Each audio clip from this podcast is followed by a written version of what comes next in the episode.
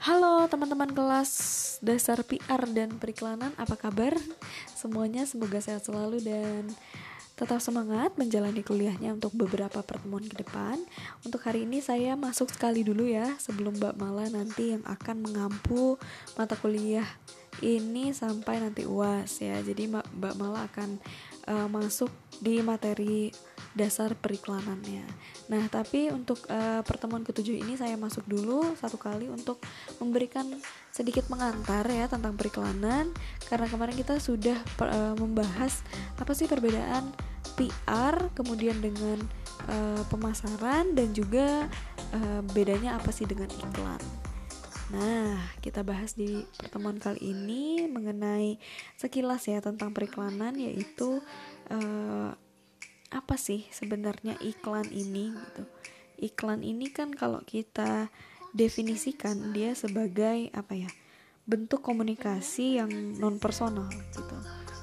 Mengenai sebuah produk, mengenai sebuah service atau ide gitu ya yang dibayar oleh satu sponsor yang diketahui gitu. Nah, maksudnya dibayar di sini seperti apa sih?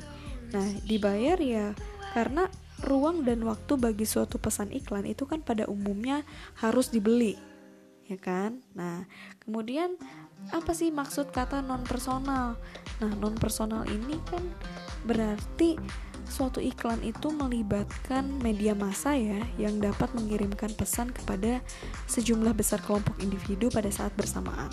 Nah, media massa ini apa sih? TV, radio, majalah, koran itu media massa gitu. Nah, jadi e, dengan begitu sifat non personal iklan ini berarti pada umumnya ya tidak tersedia kesempatan untuk mendapatkan umpan balik yang segera dari penerima pesan atau kita ya. Jadi kan kita kalau misalnya lihat iklan ya udah satu arah gitu mereka yang e, apa namanya memberikan informasi atau pesan kepada kita, kita juga tidak bisa menanggapinya secara langsung gitu. Karena dilibatkannya ini di sini kan pakai pakai perantara ya media masa itu sendiri.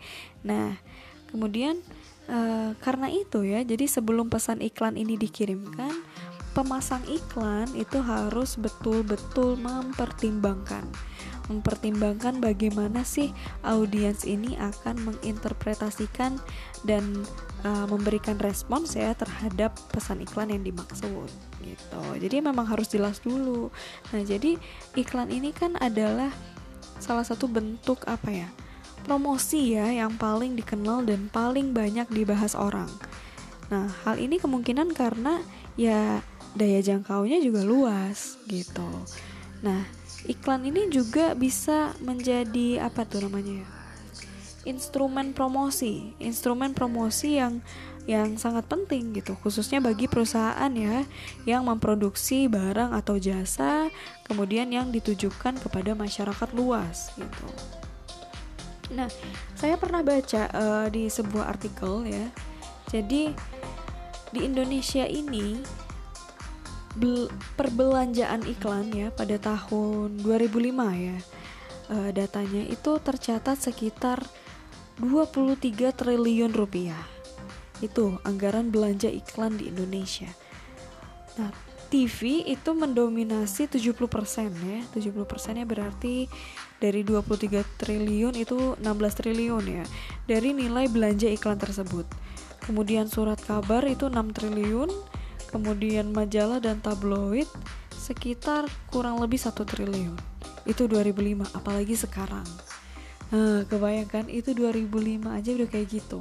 Apalagi sekarang udah ada iklan di YouTube gitu ya, segala macamnya ada iklan gitu. Nah, apa sih alasan perusahaan atau pemasang iklan ya memilih iklan di media massa untuk mempromosikan barang atau jasanya? Nah, terdapat nih sejumlah alasan uh, kenapa perusahaan ini ya memilih iklan gitu uh, untuk ditampilkan di media massa ya. Cara promosi yang paling utama yaitu iklan gitu. Nah pertama iklan di media massa ini kan dinilai lebih efisien ya dari segi biaya untuk mencapai audiens yang dalam jumlah besar gitu. Memang le lebih efisien gitu. Walaupun kita pasang iklan juga mahal banget ya. Tapi ya memang lebih efisien lewat media massa gitu. Kemudian uh, iklan di media massa juga dapat digunakan untuk menciptakan citra merek ya. Dan uh, daya tarik simbolis sendiri gitu bagi suatu perusahaan. Kemudian uh, ya hal ini menjadi sangat penting khususnya ya bagi produk yang sulit dibedakan gitu dari segi kualitas maupun uh, fungsinya gitu dengan produk saingannya gitu. Nah, jadi pemasang iklan ini ya harus bisa memanfaatkan iklan di media massa untuk mempromosikan produknya di mata konsumen. Seperti itu ya. Jadi sekilasnya iklan tuh kayak gitu. Nah, apa sih keuntungan lain dari iklan melalui media massa? Nah, keuntungannya adalah kemampuannya dia si iklan ini menarik perhatian konsumen ya, terutama produk yang iklannya ini populer dan atau sangat dikenal lah sama masyarakat.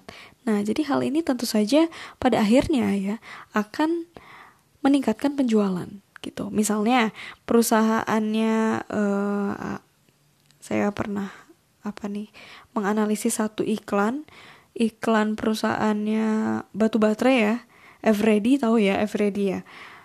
Temennya ABC Everready atau Energizer gitu. Eh beda deh Everready Everready nah dia Everready ini uh, batu baterai Everready ini menggunakan maskot boneka kelinci. Nah dia selalu muncul pada setiap iklan produk tersebut di media massa.